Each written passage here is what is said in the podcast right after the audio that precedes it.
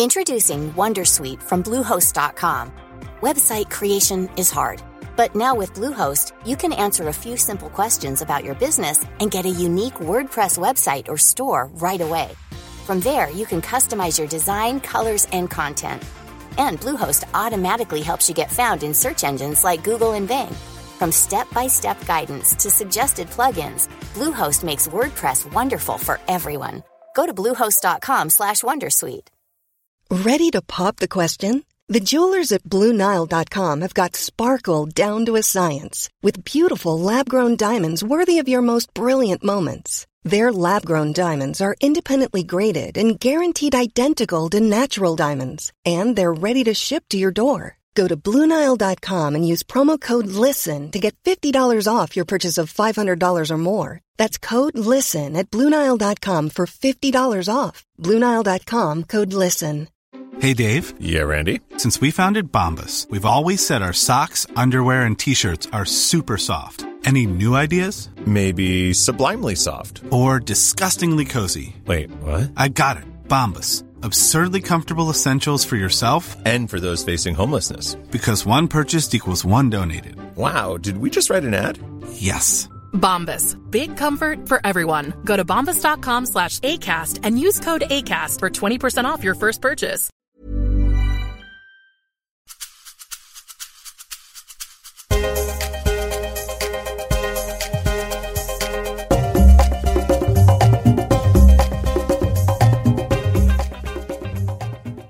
Hej och varmt välkommen till Karriärpodden och till mig, Eva Ekedal, och det hundrade avsnittet. Oj, oj, oj, det här känns stort. Tänk att det skulle bli så här många samtal och att jag har fått vara med om att träffa alla de här framgångsrika kvinnliga ledarna och sitta och samtala med dem. Jag startade ju Karriärpodden för drygt tre år sedan därför att jag tyckte att nu måste vi göra någonting och inte bara prata om att vi behöver få fram fler kvinnliga ledare.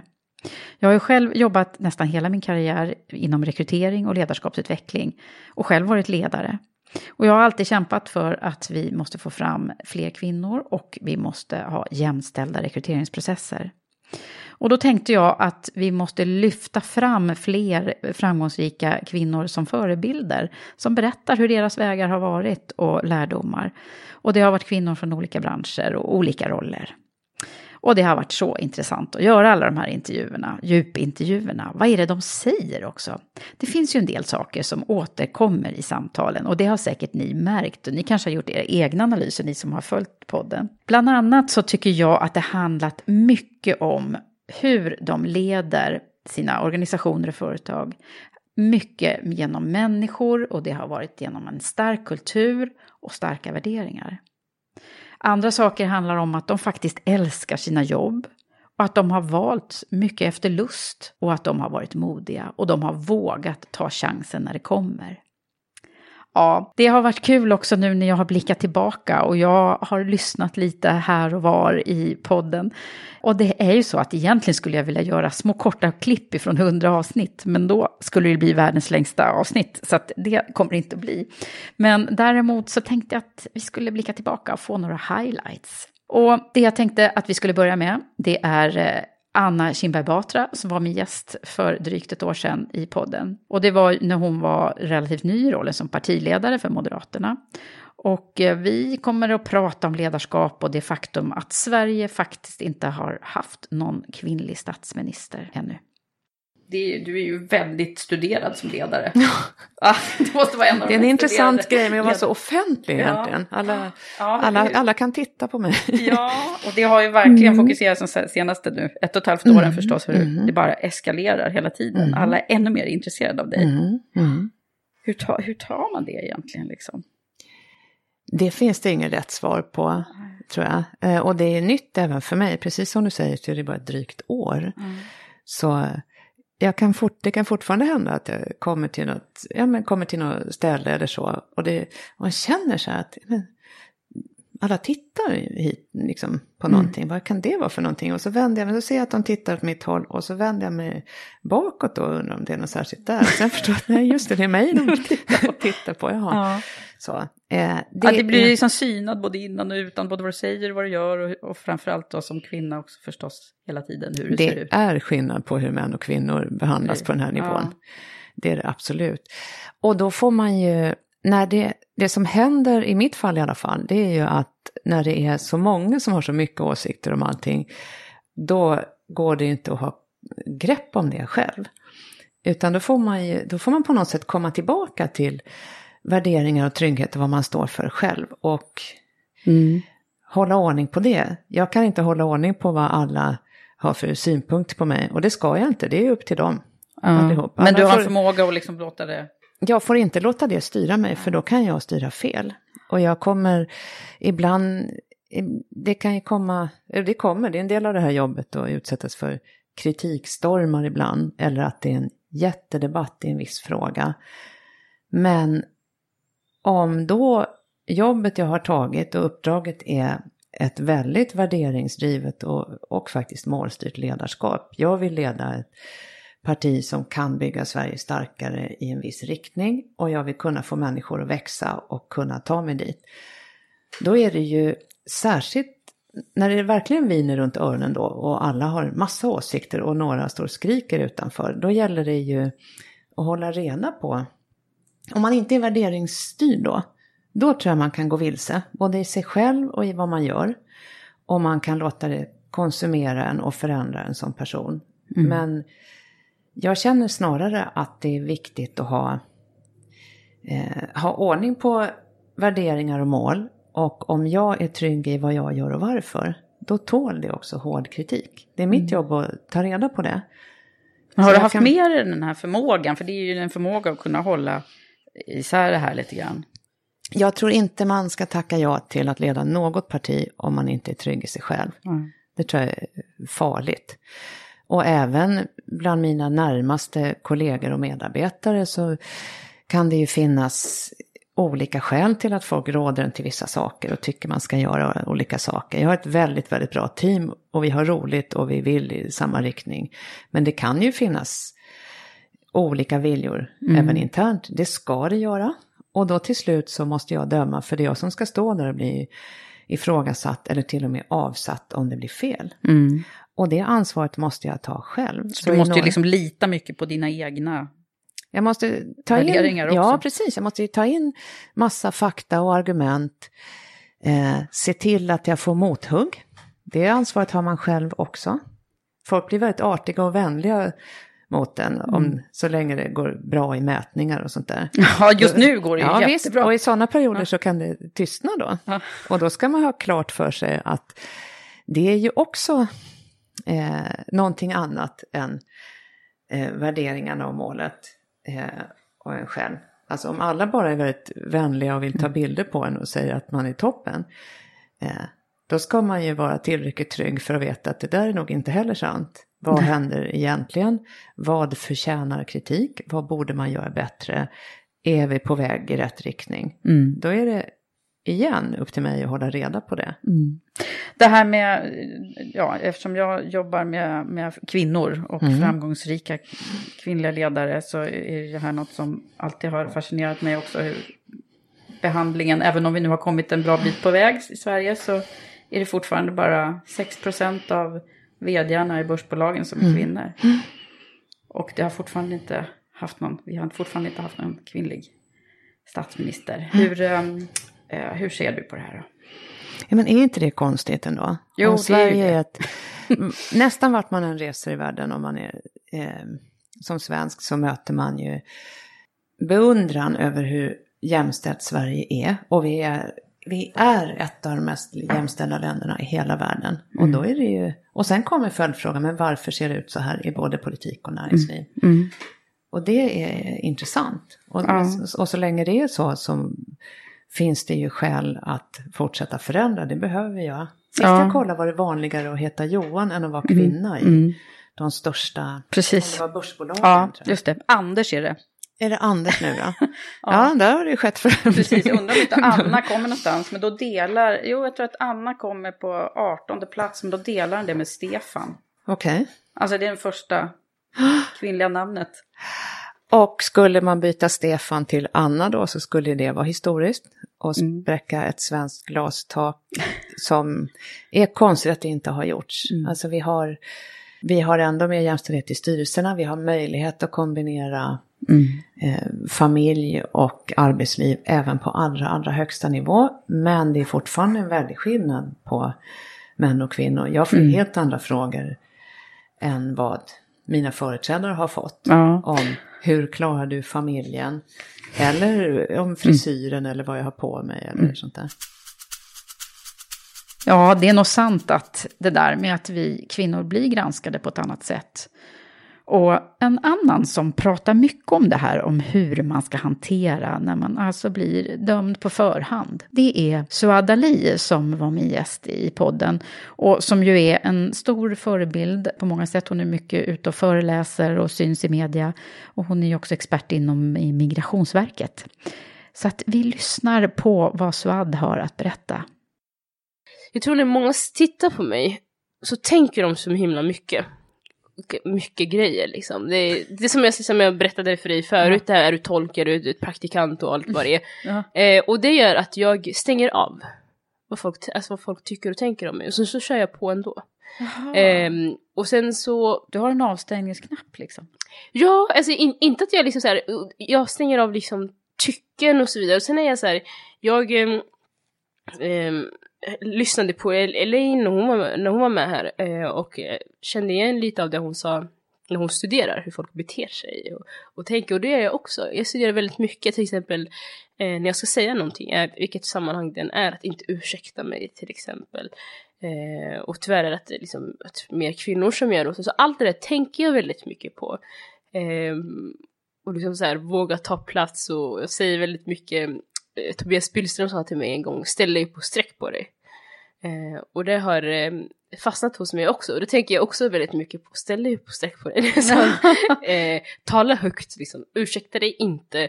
Och, och, och så, det, är liksom, det snurrar i mitt huvud ibland, för att jag, eh, ja, man Nej, behöver det... liksom lära sig de där grejerna. Ja, ja mm. jag tror att man behöver lära sig det och jag tror också att liksom som ung beslöjad svart kvinna så ja, det är klart att jag möter fördomar och att man ibland liksom blir förminskad i olika sammanhang och vad det är och då tänker jag då är det viktigt att liksom sparka sig själv i rumpan mm. ibland och, mm. och sträcka på sig liksom. Mm. Så absolut. Klokt. Ja. Bra, det behöver man ändå. Ja, som lite äldre kvinna också.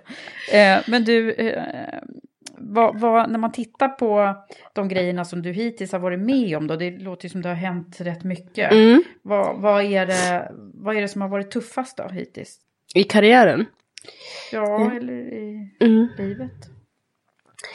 Um, det är nog att liksom bli dömd bara på grund av ens utseende. Som att det ens vore ett problem, så tycker jag. För att jag så här, jag liksom Ja, alltså det är som jag berättade innan man var yngre så hade, man ett, hade jag ett jättestort behov av att liksom så passa in och kände inte att jag liksom hörde hemma och hela den biten. Och sen så accepterade man sig själv och jag har liksom verkligen så här, att det har varit en resa men man har gjort det. Och så, och så finns det ändå eh, att man ändå kan möta att, att liksom inte bli sedd eller känna att eh, vad folk dömer, det kan, det kan verkligen ta, liksom, det är som en tumme som liksom bara trycker ner en. Även dagar man kanske känner, sig, liksom, känner att man har liksom, energi och kraft så kan det vara en sån sak som gör att man blir nere. Eh, och det är det som jag tycker har, ja, när man blir dömd i förhand helt enkelt. Det tycker mm. jag är, ja, det är nog det som är jobbigast många gånger. Mm. Eh, att människor tar sig Blir du aldrig liksom riktigt förbannad så du säger det till folk? Jo, det blir jag. Mm. Eh, men ibland så tar det ändå liksom. Eh, jag, försöker, jag försöker liksom, nu är jag ganska härdad på grund av att man har hört så mycket konstiga saker så ofta. Mm. Eh, men ibland så tar det ändå. Då tar du den där avstängningsknappen då istället? Ja, precis.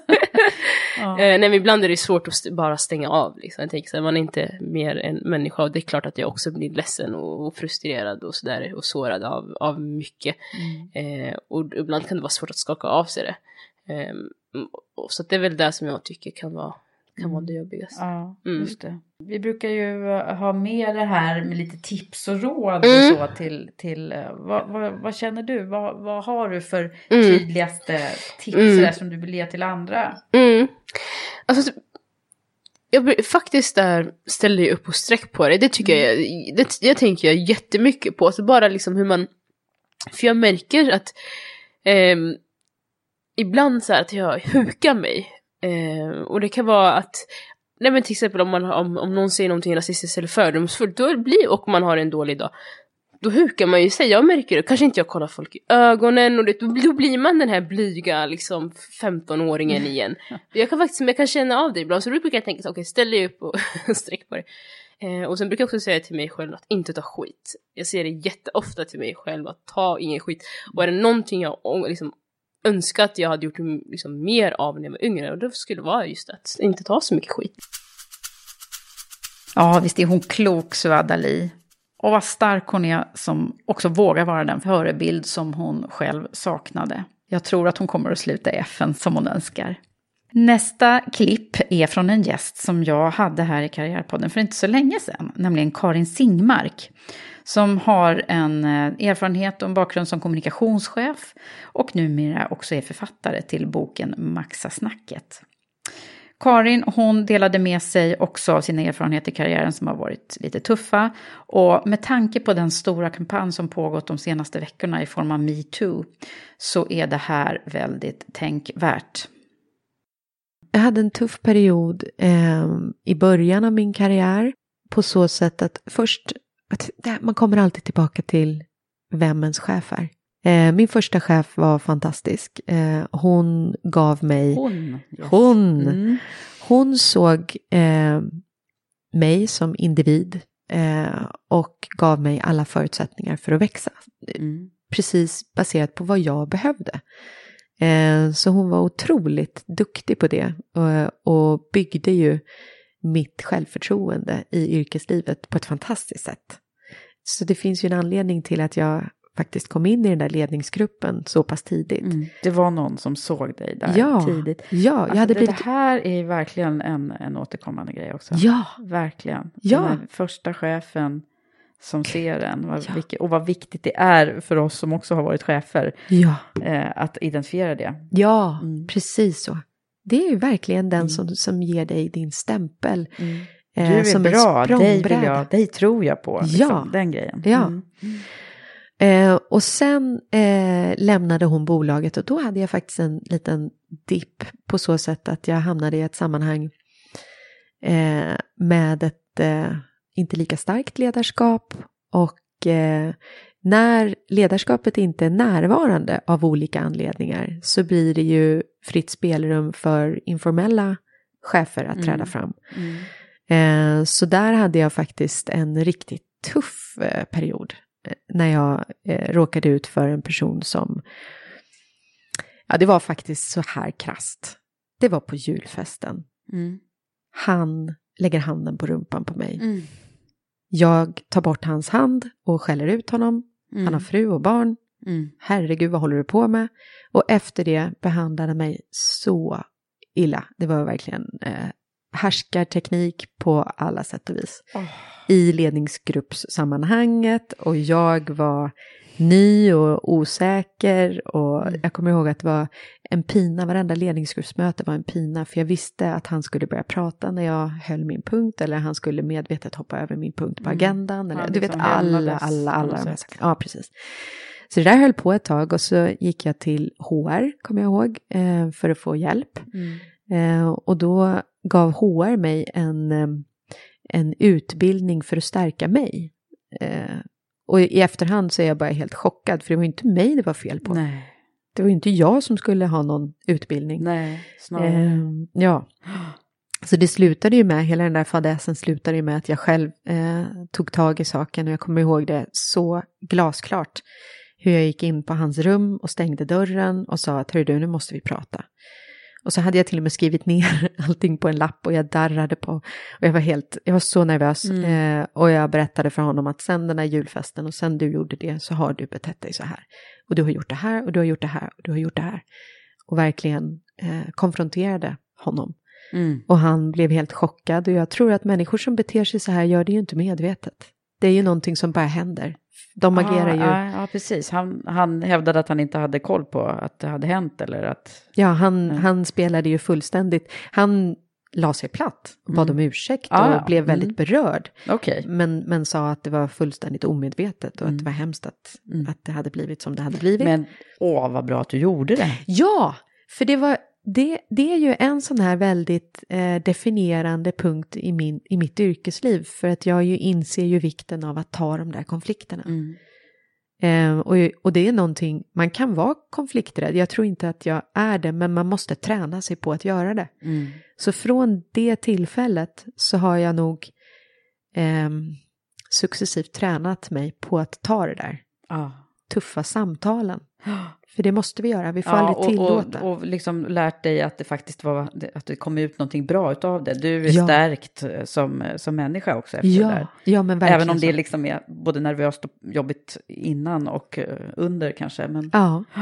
ja, men precis så. Ja, ja, mod, verkligen. Ja. Så bra. ja, Åh, man Ja. blir ju bara så upprörd när man hör det här. ja, verkligen. Eh, Ja, mm. Vi, vi hade ju ett avsnitt för inte så länge sedan som hette Kärlek på jobbet och då var det ju, det var ju både liksom kärlek i, i de bästa formerna men Ja. också eh, pratade vi en del om det där att det liksom finns en, en gråzon som är ganska jobbig. ja, det är ju det. Mm. Verkligen så.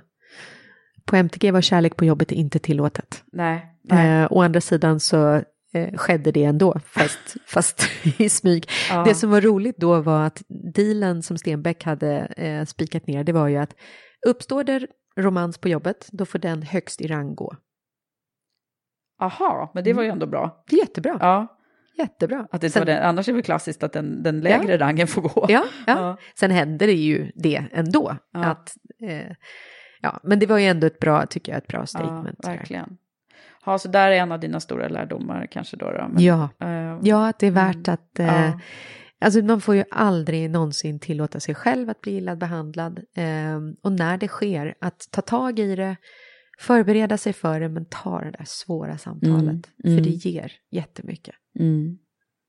Hur ser du det där på att vara, liksom, eh, jag förmodar att du har jobbat i en del mansdominerade grupper, ledningsgrupper och så. Ja. Hur har det varit generellt sett för dig? Ehm, jag har väl egentligen... Jag, jag reflekterar över det rätt mycket. Jag befinner mig även idag väldigt ofta i, i eh, sammanhang där jag är den enda kvinnan. Eh, Oftast så tycker jag att det går alldeles strålande bra. Ehm, och i de fall jag märker att det sker saker som sker på grund av att jag är ensam kvinna, då säger jag till. Mm. Eh, Jag sa till senast i måndags när jag Mhm. hörde att eh, några av eh, männen pratade om att de brukade träna ihop. Och då sa jag, men gud vad kul, jag vill jättegärna hänga med. Mm. Mm. För det är så här, i, i de informella sammanhangen så, eh, så sker det saker. Ja, Och där ska, ska alla bjudas in och vara med. mm. just det, för de tänkte så här, hon, vill, hon är Ja, inte hon vill intresserad. säkert inte. Nej, Det var ju inte illa menat av dem. Det Nej, var ju nej. säkert bara... nej. Det finns så mycket så här omedvetna grejer och det gäller att vara observant på dem Ja. ju. Ja, ja verkligen så. Det Ja. är ju superviktigt. En annan person som verkligen har blivit utsatt för näthat och som ändå så medvetet eh, säger sin åsikt och brinner för att kvinnor ska ha samma rättigheter som män. Det är Frida Boysen som är digitalchef för Bonnier Magazine and Brands. Och Frida har också skrivit boken Digital succé och är väldigt flitigt anlitad som föreläsare på våra scener runt om i landet. Vi ska lyssna på ett klipp där hon beskriver hur tufft det kan vara att bli utsatt för näthat. Jag känner eh, att jag, jag blir bara mer och mer feminist faktiskt för, Ja. för varje år som går. Det, det, för att jag, jag ser sådana strukturer i samhället Mm. som, Som är så sjuka. som är så sorgliga och sjuka. Mm. Det är faktiskt så. Det är hemskt. Ja, Och, men jag bara känner liksom starkare och starkare att det här är så viktigt att, Mm. Att våra barn ska få samma chans oavsett om de är, Mm. tjejer eller killar. Att vi alla förtjänar samma chans och samma respekt. Vad tänker du kring det här? När man, när man Mm. får såna här tweets och, och hemska, eller du kanske har fått ännu värre grejer. Men, Ja, ja, nej men jag har ju haft liksom personskydd i perioder Ja, och har vi det. hade ju, ehm, eh, på, på GT hade vi ju en, en, en högerextremistisk ledare som var uppe och eh, krävde att vi skulle sluta med vissa publiceringar och annars skulle han komma tillbaka med kniv och, och sen skickades, det var han där eh, och levererade ett paket som adresserat till mig och polisen misstänkte ju att det var en bomb. Eh, vilket det inte var, men, men eftersom polisen bedömde det som ett misstänkt bombhot så det var ju som i en film. Eh, när liksom man står där med polisen och åker Mm. tåken och han pratar med bombskåden och bara säger stå på. Och han liksom bara, du får utrymma lokalen nu. All din personal. Eh, så jag menar, det, det är vad du har varit med om. då- och rättegångar och allt sånt där. Så att, det är klart, det... det um, ja, men blir du aldrig rädd då? Eller? Nej, jag, jag är faktiskt väldigt sällan rädd måste jag säga. Jag, jag, det är nästan så att eh, andra personer i min närhet kan bli irriterad på mig för att, att jag inte blir det. det det. Men nej, jag tänker så här, ja, nej, varför det? Jag tänker inte bli rädd, jag tänker faktiskt inte det. Nej, så mod kan vi också... Ja, det är typ eh, mod och passion, det är liksom mina två eh, ledstjärnor i, livet på något vis. Jag känner så här, men har man inget mod, om man inte vågar, vad, vad är vitsen med att leva då, känner jag? Och om man inte följer sin passion och vad man verkligen brinner för att vill göra. Varför inte passa på? Det är ändå det livet går ut på, att, att, att, att vi passar på.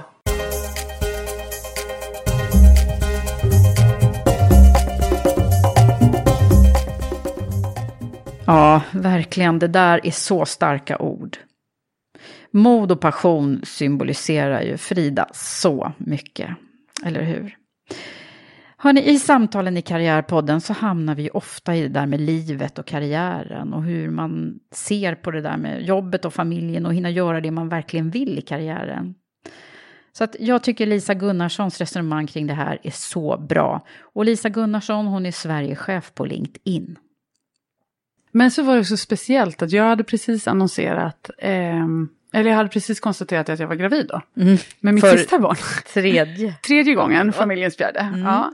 Och ehm, så ringde han och frågade så här, du jag funderar på om inte du borde ta den här rollen. Och så jag bara, ja men det låter spännande, ja men det gör jag. Jag ska bara, vänta lite ska jag bara reka min man. Du vet så här. Och så la jag på så jag bara, men gud älskling det är så himla häftigt. Och han frågade mig om det här och det här är säkert jättekul. Och bra nästa steg. Så här. Han bara, ja. Men har du funderat på att du är i vecka sju?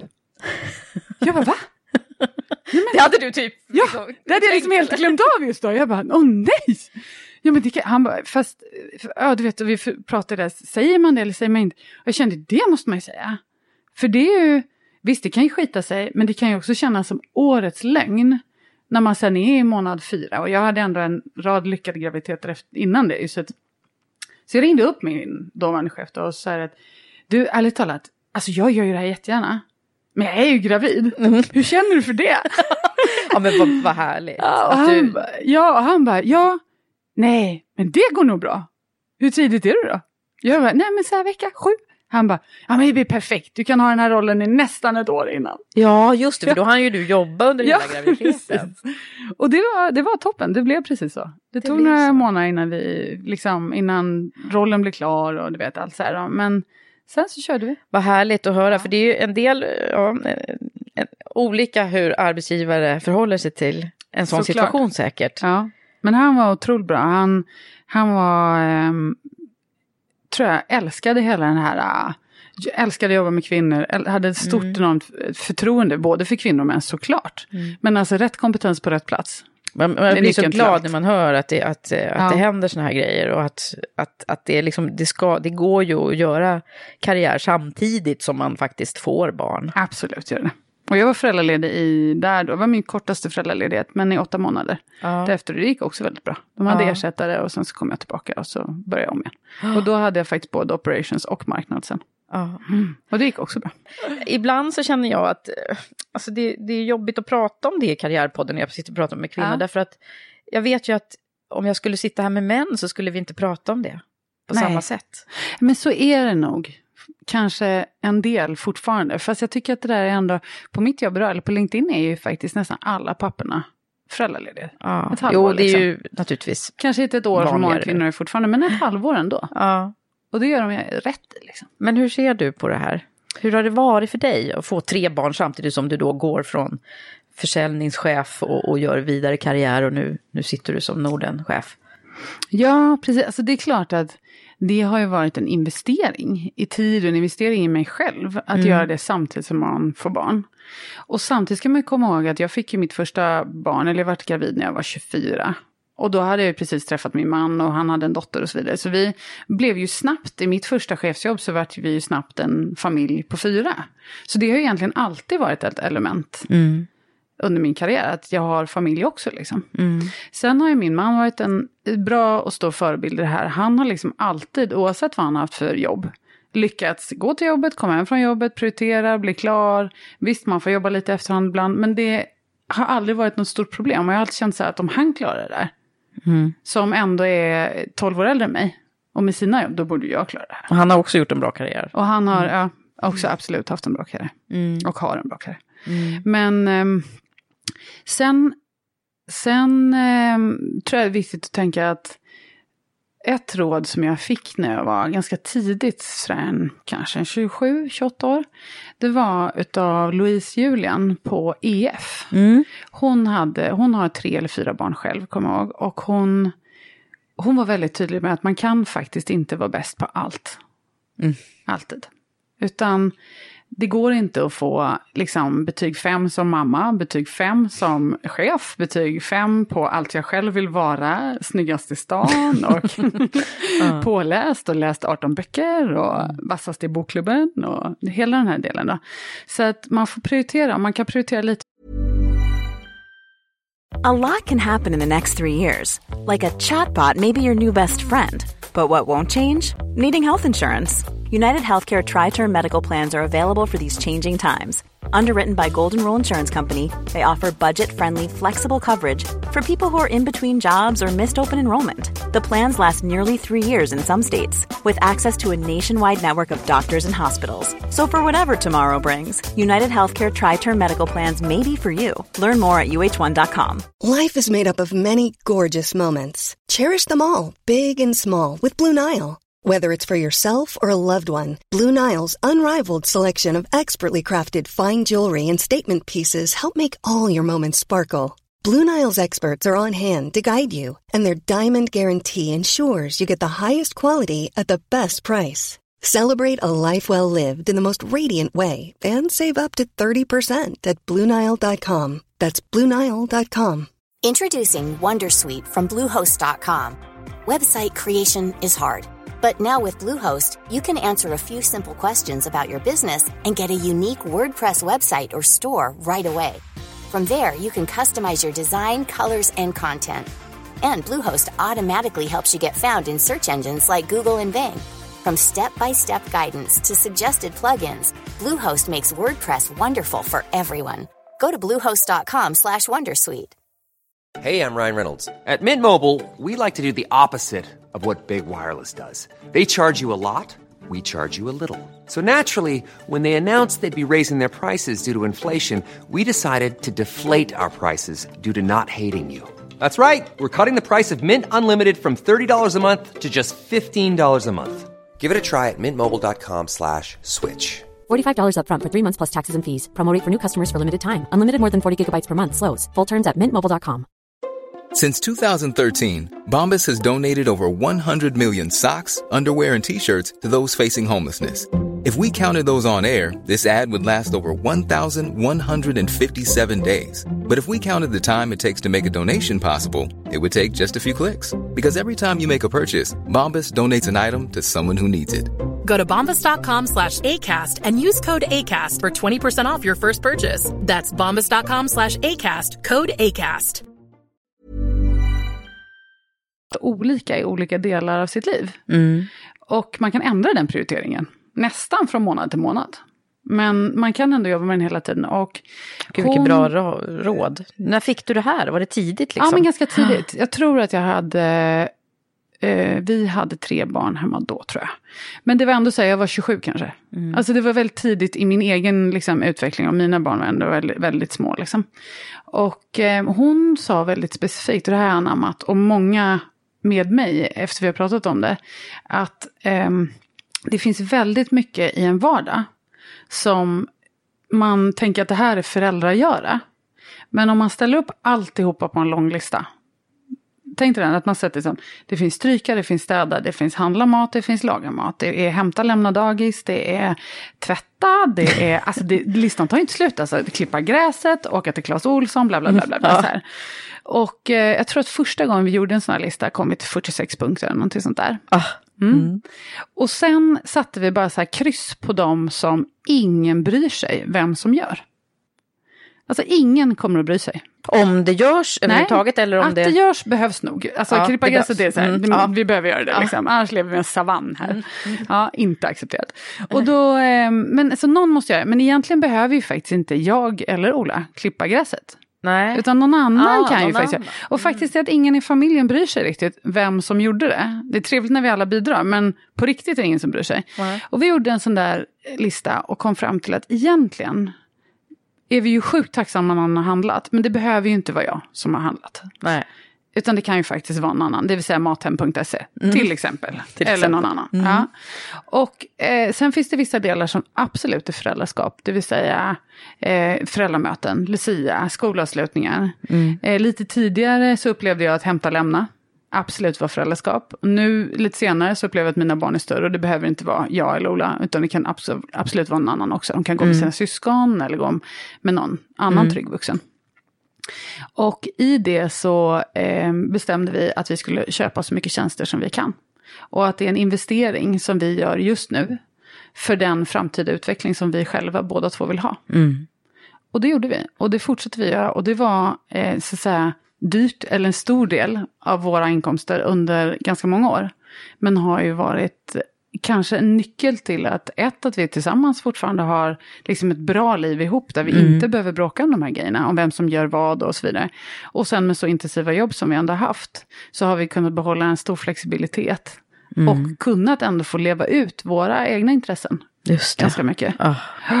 Gud, vilken, vilket bra råd. Var, Ja, var det det hon sa också, den Ja, här listan? nej, men det var verkligen det. Det var så här, lista, hon är kanske inte listan, men liksom, vad är egentligen föräldraskap? Och vad är egentligen bara must-dos i ett hem? Precis, för det är ju det där med att man går omkring och har lite dåligt samvete över att man inte är den där bra föräldern som man tror att man måste Ja, vara och- och- eh, på alla sätt. Då. Ja, men måste, man, måste man baka sina bullar själv? nej. Är egentligen ungarna sjukt tacksamma? Nej. Nej. Nej, de är rätt tacksamma för köpemunkar liksom. Mm. Ja, nej, men just det, det handlar väl om de där, äh, kunna läsa godnattsagan, eller alltså de där som Ja. ger eh, både värme och kärlek ja, på men något det, sätt. är ju, det kan jag tycka är föräldraskap. Mm, så, verkligen. så mycket som möjligt försöker, vi har alltid försökt att vara hemma på kvällarna, någon av oss. Men sen kanske inte båda kan vara hemma varje kväll. Men någon. Men det är ju så bra för oss att få höra de här sakerna. För att alla som har, jag som då har passerat lite det här småbarnslivet, definitivt, eh, tänker att det är ju just i den tiden när man är, när man är liksom all over the place på något sätt. Ja. Då ska man dessutom också, eller vill, jag ville det också, ville Ja. göra bra ifrån mig på jobbet. Och liksom, eh, jag startade dessutom egen firma under den här Ja. perioden och pluggade. Och, ja, du vet, alltså, Ja, man är ju sitt esse liksom. det är ju verkligen allt som händer under den perioden. Och lägg på också att många faktiskt köper ju hus, bygger hus, Ja, renoverar precis. hus, alltså lägenheter, byter upp sig, byter ner sig, alltså flyttar utomlands, flyttar Man hinner tillbaka. ju liksom inte ens en gång stanna upp och, och tänka till hur, hur, Nej. vem är jag och hur mår jag och vem, vem, vem är det jag lever ihop med? Nej, men, Nej, det, men det, det är nog precis så tror jag. Ja.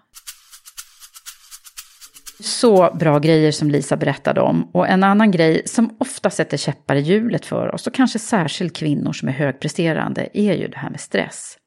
Något som vi ofta från tid till annan måste lära oss att hantera. Och en som har gjort det och också berättade om det i podden är Josefin Dahlberg, influencer och bloggerska och poddare och för detta chefredaktör. Så att hon var på väg att bli utbränd och jobba alldeles för mycket och här berättar hon om det. Jag hade inte så många under mig, när vi började så var det bara jag och en annan tjej. Eh, men ganska snabbt blev vi fler och vi började jobba tajtare med en annan redaktion, vi började jobba tajtare med vårt säljteam. Eh, så helt plötsligt så satt jag liksom eh, som ansvarig då för den här sajten eh, tillsammans med väldigt många andra och det handlade ju om att, eh, om att kunna delegera och kunna ta beslut och det där var inte lätt för mig till en början. Jag ville göra allt. Ja. Jag ville inte lägga över något på någon annan. Jag tyckte Nej. att jag gjorde det bättre själv. Eh, så det resulterade i att jag efter åtta månader kom till jobbet en dag, skulle öppna min dator. min arm hade domnat av så jag fick så här lyfta upp den på skrivbordet, öppna upp min laptop och så ser jag i mejlen, du vet så här 101 mejl och då har jag suttit uppe kanske kvällen innan till två på natten eller något. Och då helt plötsligt så bara öppnade sig ögonen och så grät jag den dagen, hela dagen och kände så här, jag kommer aldrig mer orka svara på ett mejl. Alltså det kände, det tog emot, jag mådde illa Mm. i hela kroppen. Det blev bara för mycket. Ja, det blev för mycket. Och då hade det precis en och en halv månad innan min kollega som jobbade heltid slutat. Men jag tänkte så här, äh, alltså visst hon skrev lite artiklar, gjorde lite grejer, men fan jag kan göra det också. Eh, och redan innan hon slutade jobbade jag mycket. Så det blev alldeles, alldeles för mycket. Och helt plötsligt så satt jag liksom på vårdcentralen och de ville sjukskriva mig och ge mig sömntabletter för att jag kunde inte sova mer än två timmar i stöten. Och, och liksom jag bara, vad hände här? Jag så du var så ju- nära utbrändhet? Ja, och, och mina, min familj och mina kompisar hade ju flaggat för det här de här, de här första åtta månaderna på nya jobbet. Men jag bara, men va? Jag har mitt drömjobb, det är fett kul, wow, jag får göra det här, jag får åka till Paris, jag åker till London, jag behöver inte sova, det är hur lugnt som helst. Och sen plötsligt så var man där, så att jag, jag såg det inte komma överhuvudtaget. Eh, och då fick jag ett litet wake-up call, hade ju såklart inte tagit ut någon semester så hade man sin semester kvar. så att då fick jag vara ledig några dagar och sen var jag ledig varje fredag. Och sen så blev det bättre och så blev det bättre och vi gjorde massa bra grejer. Eh, vi blev fler på redaktionen, vi jobbade också mycket med praktikanter. Jag tyckte det var skitkul att, att liksom leda och peppa och, och sådär. Sen blev det nästa höst och då hände samma sak igen. Ja, så det är hösten som Det inte är är bra hösten. för dig? Så det här var förra hösten och då gick det ja, men så pass långt att mina chefer sa till mig att eh, Jossan nu får du vara hemma den här veckan och vi vill inte att du rör din telefon eller din dator. Och jag fattade ingenting. Men då hade ju de sett att jag hade igen börjat mejla två, tre på natten. Jag hade svarat på mejl fem på morgonen. Jag eh, också, ja men, de märkte på mig att jag är tillbaka där jag var förra året. Eh, och jag tror, jag skulle Så återigen så är det liksom någon form av gränssättning som du behöver jobba alltså med. Det här med balans i livet Ja. kommer ju inte gratis för Nej. mig. Jag får jobba stenhårt för det. Ja. Men då var jag hemma den där veckan, eh, smyg-instagrammade två gånger. Det är som ett knark. Eh, Jag var tvungen att vara med på en inspelning på onsdagen för den kunde vi inte flytta. Och när jag tittar på den inspelningen nu, alltså jag vet att när jag satt där framför kameran, skulle spela in en julkampanj tillsammans med Gina Tricot, jag såg liksom inte, jag var suddig i blicken och jag skulle prata, prata på engelska och du vet, när jag tittar på den här filmen så ser jag verkligen att jag är inte där alltså. Jag är inte där. Och så kom jag tillbaka efter den här tiden, fick en jättefin vår, men då kände jag där i våras att så här, jag kan inte gå in för en sån här höst igen, för tänk om det smäller på riktigt och jag inte kan få göra allt det här jag tycker är kul längre, för att jag inte kanske klarar av att ens gå upp ur sängen. Så då sa jag upp mig. Sen hade jag liksom ett halvårs uppsägningstid för jag hade så mycket inplanerat framöver på mitt jobb. Just för att man är en, jag är inte bara chef, jag är också en profil för vår sajt. Ja. Eh, jag gör kampanjer tillsammans med stora varumärken. Vi hade väldigt mycket i loopen. Men då kände jag verkligen att så här, nu måste jag ta det här på allvar. Eh, jag älskar att jobba med det här och jag skulle gärna vilja göra allt, men det går inte att göra allt. Och jag måste bestämma vad som ska bli mitt prio liksom. Vad, vad är det, har du något sånt här, jag tänker för, för att du jobbar med sig själv då, för balansen och, och kunna ha den här både höga energin men samtidigt ja, stänga av vissa grejer då.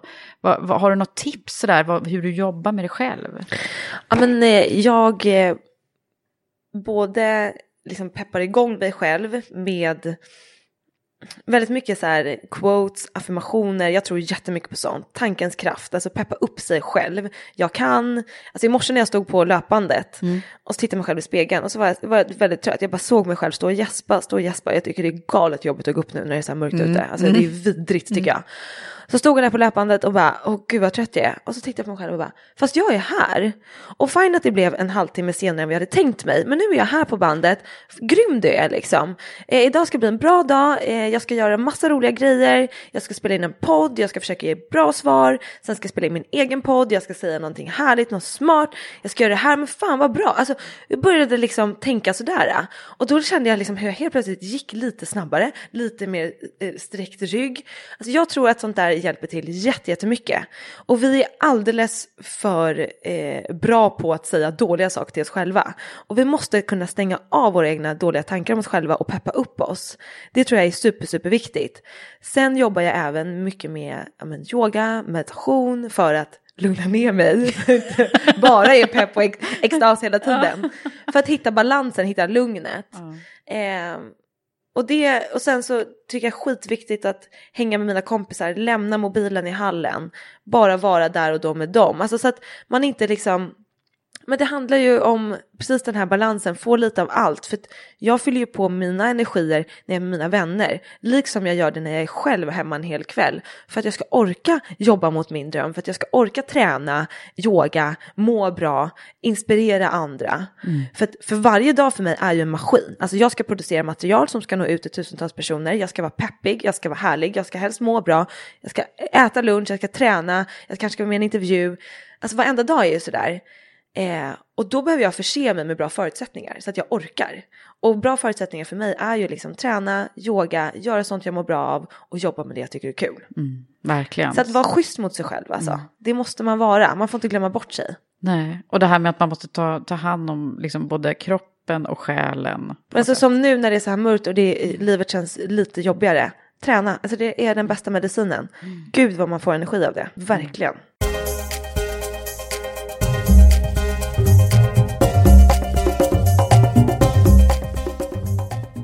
Så rätt hon har. Och så viktigt att sträva efter att må bra för att man ska orka jobba ett helt liv och leva ett hållbart yrkesliv. Då måste man faktiskt vara lite schysst mot sig själv, eller hur? En annan person som jag hade ett väldigt bra samtal med var vår kultur och demokratiminister, Alice Bah Kuhnke. Och hon beskriver något som var, varit viktigt för henne i hennes karriärutveckling. Och vi kommer åter in på det där med vikten av att identifiera rätt personer som kan vara viktiga för oss, som mentorer och sponsorer. Så här kommer Alice Bakunke, Sveriges kultur och demokratiminister. Eh, först efter då att vara programledare, som ju är en form av ledare, mm. men inte kanske det formella mm. när det gäller lönesättning och rekrytering och sådär. Men eh, först började jag jobba på en stiftelse som heter Skandia Idé för livet. Eh, så det var min första formella. Ja, och hur var det då, att jag plötsligt liksom få det här formella ledarskapet? Ja, men det var ju då? oerhört utmanande. Eh, men tack vare att det fanns eh, människor där eh, med oerhörda Eh, kunskaper och erfarenheter som också var villiga att generöst dela med sig. Så jag identifierade ju en, en, en äldre herre eh, med hjärtat på det precis perfekt ställe som omhuldade mig mm. och som vägledde mig. Jag vet att en, vid ett av våra första möten så sa han så här att ja, Alice, det här kommer bli bra eh, och jag ska hjälpa dig. Det här är den formella kartan av makt i vår struktur. Här är den informella. Mm. Han bara, jag ska hjälpa dig igenom den här. Oh, så tack. Vilken bra, så där fick du någon som, var det liksom en informell mentor ja, kan man säga? Oerhört. Vem, vem är detta nu då? Ja, ja men eller det kanske du inte vill säga? Ja, nej, nej. det kanske jag inte ska säga. men, det... ja, men jag fick otroligt mycket hjälp av honom och då lärde jag mig också hur jag ska, eller att det är en nyckel som jag sedan har använt mig av. Jag har identifierat dem Eh, vilket jag har blivit mer eller mindre proffs på. Att se dem i rum eller i sammanhang jag är i, de som jag förstår är nycklarna till att jag ska kunna göra mer skillnad. Mm. Eh, och vad spännande, hur gör du då? då? Nej, då försöker, måste jag ju få kontakt. Ja, men liksom ja. hur, den här identifieringen, vad har du för... Ja, men den är nog, identifieringen består nog av eh, allt ifrån någon sorts magkänsla som är mer kanske diffus och svår att definiera. Men det gäller ju att, att se bortom de som kanske har makten på pappret. Mm. Eh, det är ju inte alltid de, det är inte alltid den tuppen högst upp i hierarkin som faktiskt är den som bestämmer. Mm. Eller det kan till och med vara så att tuppen högst upp i hierarkin eh, sitter på väldigt lösa boliner och det är helt andra spelare bakom kulisserna som egentligen det, styr. Det är det vi kallar för det politiska spelet även i, i näringslivet. Precis, mm. så det är de man måste identifiera och de kan komma i olika skepnader. Eh, ofta så här långt i mitt liv har det varit män. Um, ja, tyvärr, är det, är det ofta, ja, men tyvärr är det oft, fortsatt ofta så. Men det finns ju kvinnor där också och det blir allt fler kvinnor också som håller i trådarna. ja. uh, men det gäller att identifiera dem uh, och använda då allt från magkänsla till liksom. Mm. Också ställa de rätta frågorna. Mm. Vara, lyssna mer än man talar. och, och ofta har jag nog också upplevt genom livet och de olika chefspositioner jag har, eller de olika förändringsuppdrag jag har fått, att de identifierar mig också. Ja. Så de söker också ofta kontakt, för de har... Eh, har, de, också, ni hittar varandra Man hittar varandra. Men det gäller att inte springa för fort, för mm. det finns risk att man springer förbi och man får springa tillbaka. Men vänta lite nu. Det var, var det inte några några nycklar här? Ja, det var några Aha. nycklar som låg där. Och framförallt då, och då går inte att vara självupptagen. Nej. Man måste våga lyssna, se andra människor, höra vad säger de egentligen. Vem är det faktiskt i den här ledningsgruppen som det är den som jag behöver ta en extra fika med? Du, hade du det här liksom bara naturligt eller har, tror du att du har utvecklat det? nej, jag, jag utvecklade mycket där på Idé för livet. Ja. För att jag förstod när han visade mig hela den här kartan och han började öppna dörrar för mig som jag aldrig hade eh, ens funnit längs vägen själv. Så förstod jag att... Så oj, han hjälpte dig lite på vägen med det här tänket liksom? Ja, mycket. Mm. Mm. Vad coolt. Mm. Och det som jag också, men det som jag var öppen för det var ju att hjälpen fanns i form av en äldre man. Mm. Jag träffar ibland unga kvinnor som är så här, nej men de där gubbarna. Mm. Och då säger jag alltid till dem, avfärda inte dem med liksom en rak höger. Det finns mycket goda krafter där också som vi måste samverka med. De Absolut. som faktiskt vill se oss som, det finns många kloka många, många, många gubbar också. Ja, ja, ja. Och jag har fortfarande ett sånt litet entourage mm. av mer eller mindre offentliga äldre män som, som eh, hjälper mig omhuldar mig. Ja. Och som jag kan ställa frågor till och be om råd. Det finns, de, en del är kvinnor också men Vi pratar rätt mycket om det här med sponsorer. Eh, mm. alltså, och det här låter ju som det är en form av spons sponsor mm. som du har haft. Som, som har liksom banat lite vägen eller lyft eller ja, indirekt coachat kan man ju säga ja, då. Ja. Men, eh, och vikten av det där, att man får det ganska tidigt i livet. Mm, kan mm. du se att du har haft flera sådana sponsorer? Ja men vad spännande. Ja, du menar att det kan komma tidigt i livet i olika former? Alltså då? någon som du vet som säger de där förlösande ja. orden att gud vad bra du är på det här, det här jo. ska du satsa på. Ja, eller? men när du säger det så mm. är det ju faktiskt så. Så var det också i min barndom, att mm. jag blev sedd ja. och, och lyft. Eh, och en dörr öppnade sig till, som ledde till ett annat rum. Och så ja. gick jag genom det rummet. Och så, ja, jo, men så är det nog. Men så absolut, så är det. Men ja. det har ju också gjort det, det, det, har ju också odlat min förmåga och vilja till att leta efter dem. Mm, precis, det dem. gäller ju att ha, liksom fånga upp dem när de kommer. Det, ja. det, tycker jag du sa väldigt bra där. För att det är lätt att liksom bara, att, att en, till exempel en komplimang kan gå lite rätt igenom en mm. utan att man eh, också tar in det. Mm. Men eh, det låter ju som att du har ju fångat det här nu också, när, mm. när du fick den här mm. Och studsa tillbaka bollarna. Ja. Att ge tillbaka. Mm. Eh, ingen vill fortsätta att ge till någon som bara tar. Nej. Utan om jag märker eller upplever att det finns en människa som söker kontakt eller som kanske har någonting. Mm. Eh, kanske är det jag som ska börja ge först. Mm. Finns, vad finns det som jag har som kan vara attraktivt eller som kan hjälpa den eller och ibland kan det ju vara, bara vara så enkelt att jag ska se den personen. Mm. Även äldre män med makt ja. behöver bli sedda. Mm. Precis, alla är vi bara människor ja, faktiskt. Ja. Behöver få en fråga, vill eh, ofta vara till hjälp. Ja, vikten av att både ge och ta, det är bra grejer det. Andra nycklar som har dykt upp då och då i Karriärpoddens Samtal är ju det här med att ta chansen när den kommer och att också våga tala om vad man vill. Och det beskriver Katarina Romell väldigt tydligt när hon berättar hur det gick till när hon fick ett av sina tidigare vd-jobb och hur hon sen jobbade för att förändra en kultur och ledningen med kanske lite ovanliga metoder. Nej, men det var ju i samband med att, att jag då hade skilt mig och tänkte jag kan inte hålla på och resa och flänga runt så här mycket måste vara hemma mer med barnen. Så jag gick omkring där i Saltsjöbaden och så gick jag förbi vår gård och så tänkte jag ah, det här stället skulle jag vilja rycka upp. Gud vad, vad trist det är och vilken potential det har. Och då ska vi säga för de som inte vet vad det är, det är KFs eh, kursgård Exakt. i Saltsjöbaden. Mm. Som har, ja, har en gammal historia. Mm. Mm. Ja, KF har ju använt det som internutbildning tidigare. Ja. Och i och med att jag hade jobbat i Saltsjöbaden på, på, hos grannen på Grand Hotel så tänkte jag att ja, men jag känner ju Monica lite grann som jobbar där så jag tar kontakt med henne. Jag visste att hon var lite äldre än mig. Så jag tänkte att hon kanske ska sluta snart. Så lite så här halvfräckt ringde jag upp henne och sa hej hur har ni det och hur länge tänker du jobba då? Helt uh, avväpnande tyckte jag själv i alla fall. Att det och Monica sa då att ja, men jag ska inte sluta än på ett tag. Och Ah, nej men så jag, bara så du vet att jag skulle vara jätteintresserad av ditt jobb. det var ju främt att ringa upp och säga det. Eller hur? Ja. Ifall att. Mm. Och sen var ju det så himla festligt. För jag tror att det var två månader senare så blev jag uppringd av en headhunter som säger jag har ett jobb som jag undrar om du är intresserad av. Jaha, så jag vad är det då? Ja men det är vår gård i Saltsjöbaden. men hur kunde det här hända då? Så snart inpå?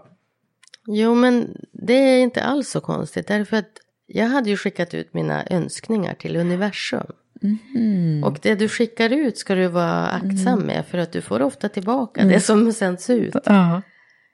Så det gäller att skicka men det, tankar. Det, men, precis, det gäller, men det gäller mm. att göra det också för då, mm, då finns det en väldigt stor sannolikhet att det skulle kunna... Du måste ja. uttala det, för det var ju det jag gjorde. Jag uttalade ju det ja. till många och sa, ja. fanken det här jobbet ska jag vilja ha. Mm. Och så blev det. Vi började med att eh, gå i KBT tillsammans. Hela ledningsgruppen. Det här är ju så himla roligt. Det är inte så många ledare som har gjort det på Nej. det sättet du gör det här. Men det är väl också, jag började ju med, med mig själv. Jag gick i KBT och jag gick i andra terapiformer. Och jag tycker att det är roligt för att det är en utveckling tycker jag. Och sen så från ingenstans så tror jag att jag kom på det här. Men gud, vi kanske ska ta hela ledningsgruppen i KBT. och förankrade ju det här då i ledningsgruppen och sa att ja men om ni inte tycker att det är kul så vi gör det ändå. vi gör det ändå. Ni kan, vi gör den här resan och efter vi har gjort resan så får ni göra vad fanken ni vill med det här. Men vi gör det tillsammans och ser var vi hamnar. Och jag hade ju en super, super bra ledningsgrupp. Där alla var riktigt, riktigt duktiga på sina områden. Och jag måste säga att de var ju också jättemodiga mm. som vågade gå med på det här. Vår köksmästare tyckte väl att vad ska hon komma med för jädra, vad ska vi göra nu, vad är det här för flum? ja, just det, det där med flum ja, kan man ju tänka sig att det och det tyckte upp. han ju också. Men, mm. men vi gjorde det här tillsammans och det blev ju himla bra. För konsekvensen av det vi gjorde, det blev ju att vi lärde känna varandra så pass bra så att vi visste vad den andra inte var bra på. Och när man vet det, då kommer ju en organisation som den här täcka upp för varandras svagheter. Och vad ger det då för resultat? Jo, kunden tror att vi är helt perfekta. Mm, just det, för, för man den, har lappat liksom. Ja, man har lappat ja. hela tiden och kunden får bara den bästa mm. produkten. Och det är jätteintressant. Och sen kommer man ju också ganska nära varandra. Det kräver ett visst mod mm. av en mm. vd. Mm. Jag tänker det också, att det var tur att du var mm. liksom trygg och, och, och mm. grundad i att det här är rätt väg. För jag måste vara äkta också. Jag måste våga visa för min ledningsgrupp att det här är jag inte helt stark på. Och släppa på det. Mm. Så ni gick ni i, i grupp och individuellt? Mm. Mm. Vi, gick, vi började i grupp och sen så uh, individuellt. Mm. Och många fortsatte också med lite individuell terapi efter mm. det. För att de kom ju på att oj, det här kanske jag ska jobba Gud, med. det är inte många som har tackat dig i efterhand? Jo, jag har, jag har jag ska, jag ska nog säga att jag är vän med alla i den ledningsgruppen.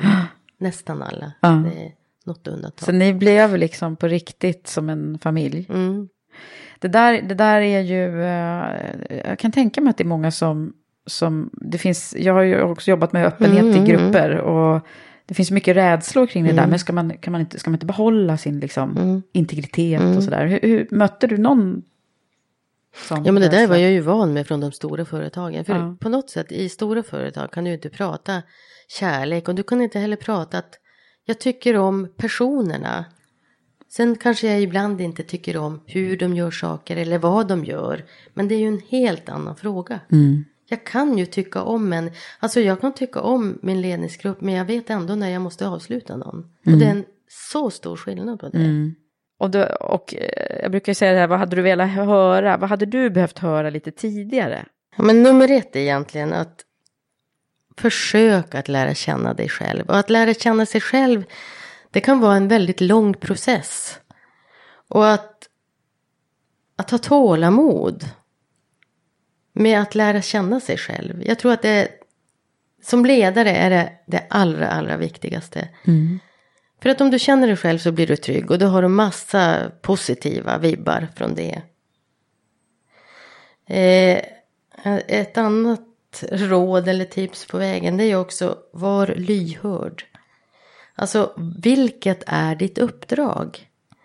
Och när man är yngre är det så himla lätt att man, man, man går in och lyssnar kanske inte riktigt på vilket uppdrag man har. Utan man är på väg, man har lite prestige, man ska uppåt, man ska framåt. Och i den resan så är det lätt att missa vad är det ägarna vill egentligen. Man, man kanske inte hör det egentliga uppdraget utan man kör på och springer fort och tycker att man gör rätt och ändå kan det bli fel i slutändan för att du inte har lyssnat. Mm. Mm. Så lyhördhet är super, super viktigt. Och sen det tredje lilla tipset, det tycker jag är låt teamet blomma och var aldrig rädd för, för kompetens. Eh, lär känna varandra i, i gruppen om man nu talar om en ledningsgrupp. Och nyttja allas kompetenser. Och nyttja också olikheter och var inte rädd för att ha en ledningsgrupp som är som personer fruktansvärt olika. För att jag har alltid upplevt att olikheterna de berikar enormt mycket.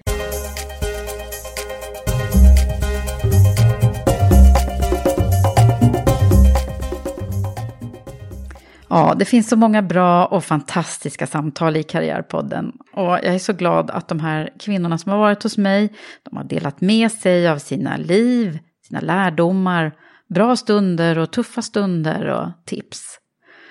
Så jag hoppas verkligen att eh, du går tillbaka och lyssnar och, och ordentligt på de här avsnitten om du har missat någon. Som eh, avslutning vill jag rikta ett extra stort tack till några som har varit med i Karriärpodden och som också har ställt sig bakom det vi gör i Women for Leaders Premium Leadership Program som nu är igång. Där har de hjälpt oss att designa och genomföra det mest nytänkande ledarprogrammet som finns just nu skulle jag tro. Det är bland annat Ann Helenius, Helene Barnekow, Monica Längbo, Lisa Nyberg, Frida Lund, Veronica Rörsgård, Klara Adolfsson och Johanna Frelin. Några av dem har till och med varit med två gånger här i podden. Och här kommer några highlights från de specialavsnitt som bland annat speglar de modulerna som finns med i programmet. Jag har jobbat med digitalisering i 20 år och jag är ödmjukt medveten om att det finns väldigt mycket av mitt tankesätt som jag hade bara för ett tag sedan som inte gäller längre och, och så behöver vi alla tänka. 2017 måste man vara bra på att faktiskt enkelt visa och säga vad man faktiskt gör. För att annars blir man, man blir inte trovärdig. Och samtidigt så måste man göra det man säger. För att annars finns det ingen som kommer att följa en tror jag. När vi coachar så ska vi ta ett steg tillbaka och vi kan som ledare vara så otroligt pigga på att känna oss lite som hjältar och hjältinnor och tala om att jag kan och få lite bekräftelse. Och, och det är inte den bekräftelse vi ska söka, utan vi ska använda vår kompetens faktiskt för den andra personen. Jag tror att man kommer väldigt, väldigt långt med en kultur som är liksom där människor trivs, man tycker det är kul att vara där, man har roligt på jobbet. Då presterar man lite mer än förväntat. Stort tack du som har lyssnat och som följer Karriärpodden. Jag hoppas att ni har blivit inspirerade och går tillbaka och lyssnar på hela avsnitten till de här och några till. Men eh, nu tar jag kraft och kör vidare mot 200 om ni hänger med. Nu kör vi!